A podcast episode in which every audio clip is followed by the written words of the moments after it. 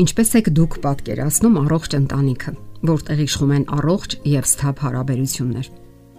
Ինչ են զրուցում ամուսինները եւ ինչպես։ Իսկ ունեն արդյոք նրանք նույն նախապատվությունները եւ կարողանում են գնալ տևական ու կենթանի փոխհարաբերությունների։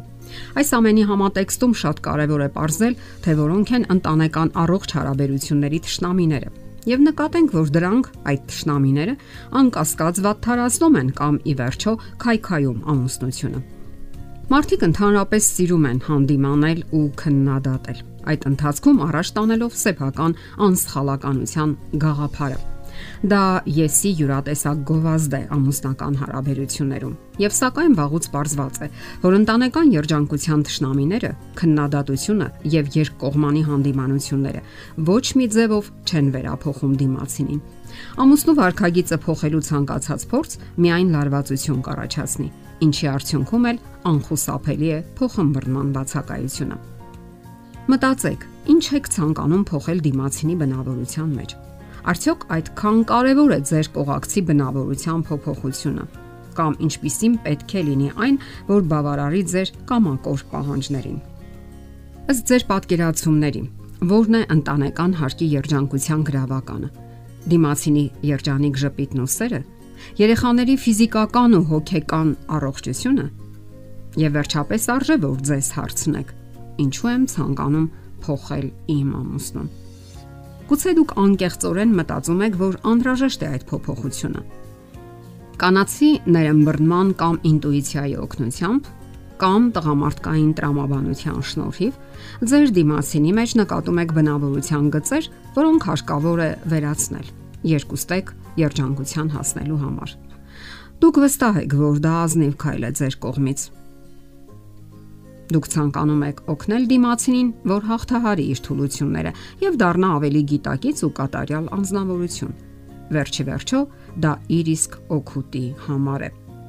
Եվ այնուամենայնիվ, չնայած այդ բոլոր ազնիվ դիտավորություններին, խախտվում է հոգեբանական հիմնական սկզբունքը, ըստ որի ամեն մարդ պետք է վերափոխի ինքն իրեն,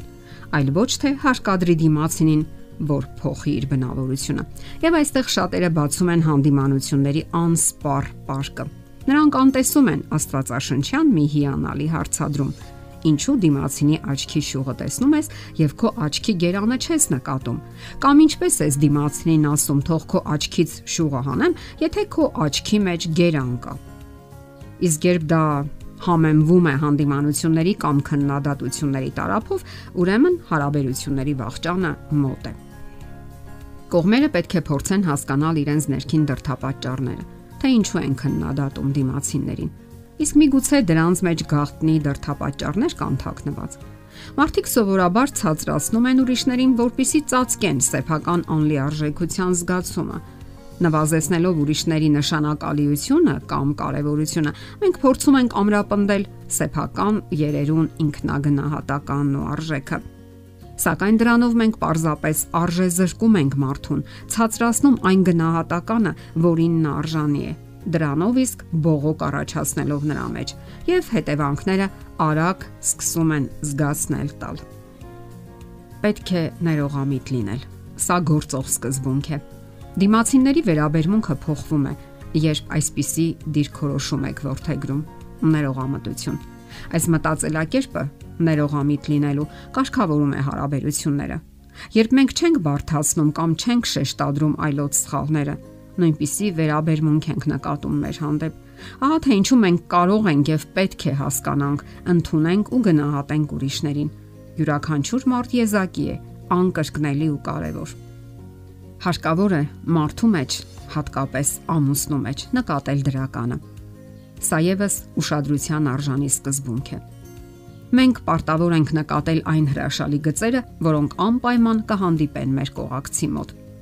Դրանով մենք կշահենք եւ նրա բարյացակամությունը եւ նմանօրինակ պատասխան վերաբերմունքը։ Եվ չկա մարդ, որի մեջ հնարավոր չլինի գտնել բազմաթիվ դրական որակներ։ Հարկավոր է կենտրոնանալ այդ դրական որակների վրա։ Ցանկացած մեկն էլ հակված է ընդունելու իր հանդեպ դրսևորած բարի քայլ եւ արարք, փոխադարձելով այն վստահությամբ եւ փոխհմբռնումով։ Իսկ ամուսնական հարաբերություններում դա պարզապես անհրաժեշտ է։ Չէ որ դուք կյանքի մի ողջ ժամանակահատված քայլում եք միասին, եւ դա կարեւոր է միմյանց ավելի լավ ճանաչելու համար։ Նաեւ այդ ձևով է ձեռք բերվում անխռով ու երջանիկ համատեղ կյանքը։ Իսկ այնուամենայնիվ, ինչպես կարելի է ցույց տալ դիմացինի սխալները։ Լինում են պահեր, երբ անհրաժեշտ է լինում ցույց տալ դիմացինին իր սխալներն ու վրիպումները։ Ասենք որ ամենից առաջ ոչ ամուսինը, ոչ էլ կինը չպետք է բնական ընդունեն դիմացինի լուրջ վրիպումները նրանց կողմից արված վիրավորանքները կամ էլ դրսևորած կոպտությունը։ Պարզապես հարկավոր է հանդարտ լինել եւ չգրգռվել։ Այդ վիճակում դուք ընդունակ չեք լինի սթափ եւ կշռադատված զրույցների,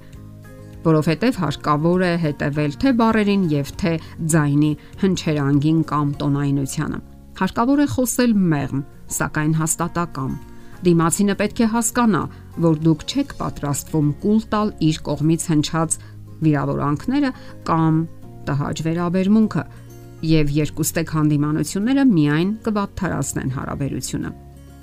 Իսկ թե ինչպիսի մոտեցում ցուցաբերել եւ ինչպես առաջացած խնդիրները չհասցնել լարվածության, գտնելով կառուցողական լուծումներ, կանդրադառնանք մեր հետագա հաղորդումների ընթացքում։ Եթերում է ընտանիք հաղորդաշարը։ Ձեզ հետ է Գեղեցիկ Մարտիրոսյանը։ Հարցերի եւ առաջարկությունների դեպքում զանգահարեք 094 08 2093 հեռախոսահամարով։ Հետևեք մեզ hopmedia.am հասցեով։